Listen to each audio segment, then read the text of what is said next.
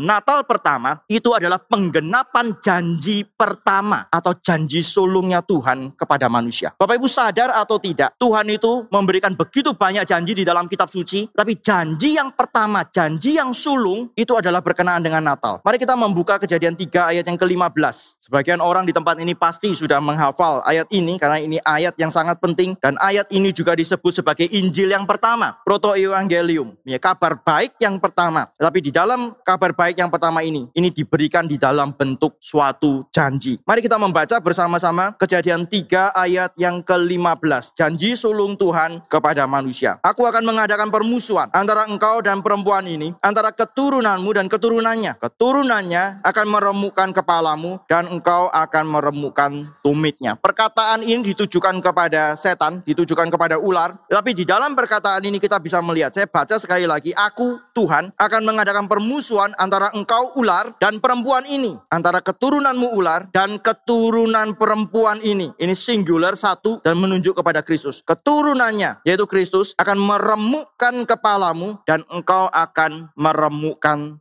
tumitnya. Bapak Ibu ini adalah janji sulung. Janji pertama yang Tuhan berikan kepada manusia. Dan ini menjadi satu janji yang sangat penting. Dan bahkan paling penting kalau kita katakan di dalam Alkitab. Dari seluruh janji Tuhan, janji yang paling penting. Ini adalah janji tentang pemulihan kondisi manusia. Adam dan Hawa pada waktu itu barusan jatuh di dalam dosa. Adam dan Hawa baru tanda kutip dikalahkan oleh setan. Tergoda oleh setan, dikalahkan oleh setan dan kemudian akhirnya diserahkan kepada setan. Seluruh umat manusia karena jatuh di dalam dosa, maka di bawah kuasa setan. Meskipun Tuhan memiliki kuasa yang lebih besar daripada setan. Tapi kondisi manusia pada waktu itu karena di bawah dosa, maka manusia itu diancam oleh maut. Nah, janji ini adalah satu janji nanti akan ada manusia juga. Manusia juga. Keturunan perempuan itu artinya adalah manusia. Manusia juga yang akan menang terhadap ular. Yang akan meremukkan kepala ular, yang akan mematikan ular itu, mengalahkan ular itu. Manusia pertama yang diciptakan tanpa dosa, dikalahkan oleh iblis, tetapi nanti keturunan perempuan itu akan mengalahkan iblis. Ini adalah satu janji yang paling penting, satu janji yang sangat penting yang kita harus terus perhatikan. Ini bukan cuma janji yang penting saja, ini bukan cuma janji tentang pemulihan kondisi manusia saja. Bapak Ibu bayangkan menjadi Adam dan Hawa pada waktu itu. Kalau Bapak Ibu membaca di dalam kejadian pasal yang kedua ayat 16 dan 17.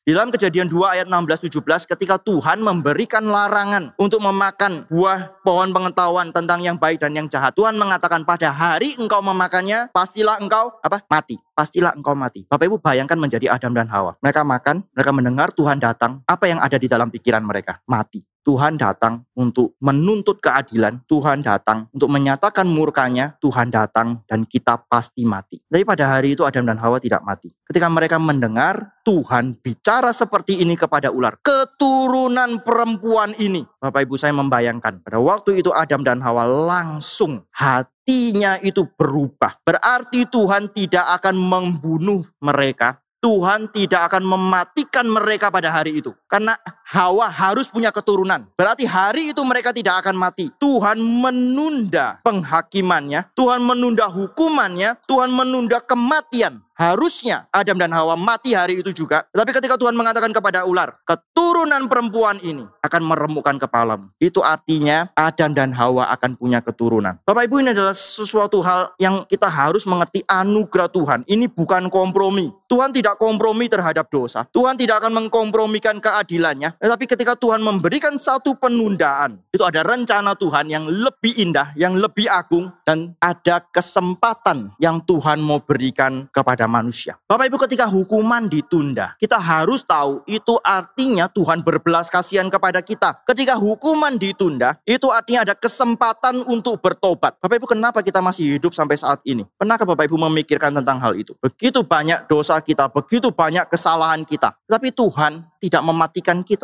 Ya, Alkitab mengatakan bahwa Tuhan itu tidak membalas kepada kita sesuai dengan pelanggaran kita. Tuhan tidak membalas kepada kita sesuai dengan pelanggaran kita. Tuhan menunda Dan itu artinya Tuhan memberi kesempatan untuk kita bertobat. Natal yang pertama itu adalah penggenapan janji pertama. Penggenapan janji sulung dari Tuhan kepada manusia. Janji yang paling penting karena ini berbicara tentang pemulihan kondisi manusia. Penebusan manusia. Satu-satunya harapan bagi manusia untuk diperdamaikan dengan Allah. Itu adalah janji yang pertama ini. Dan janji yang pertama ini mengandung implikasi. Karena keturunan perempuan. Tuhan tidak menciptakan manusia yang baru. Tuhan tidak langsung memberikan tubuh kepada Kristus tanpa melalui seorang perempuan. Tapi melalui keturunan perempuan. Itu artinya ada penundaan hukuman. Dan penundaan hukuman itu berarti kesempatan untuk bertobat. Maka Bapak Ibu, kita harus mau mengerti tentang hal ini. Kalau Tuhan begitu baik kepada kita, harusnya kita kembali kepada Tuhan. Kita bertobat. Selagi ada kesempatan, selagi Tuhan memberikan kesempatan kepada kita, mari kita bertobat.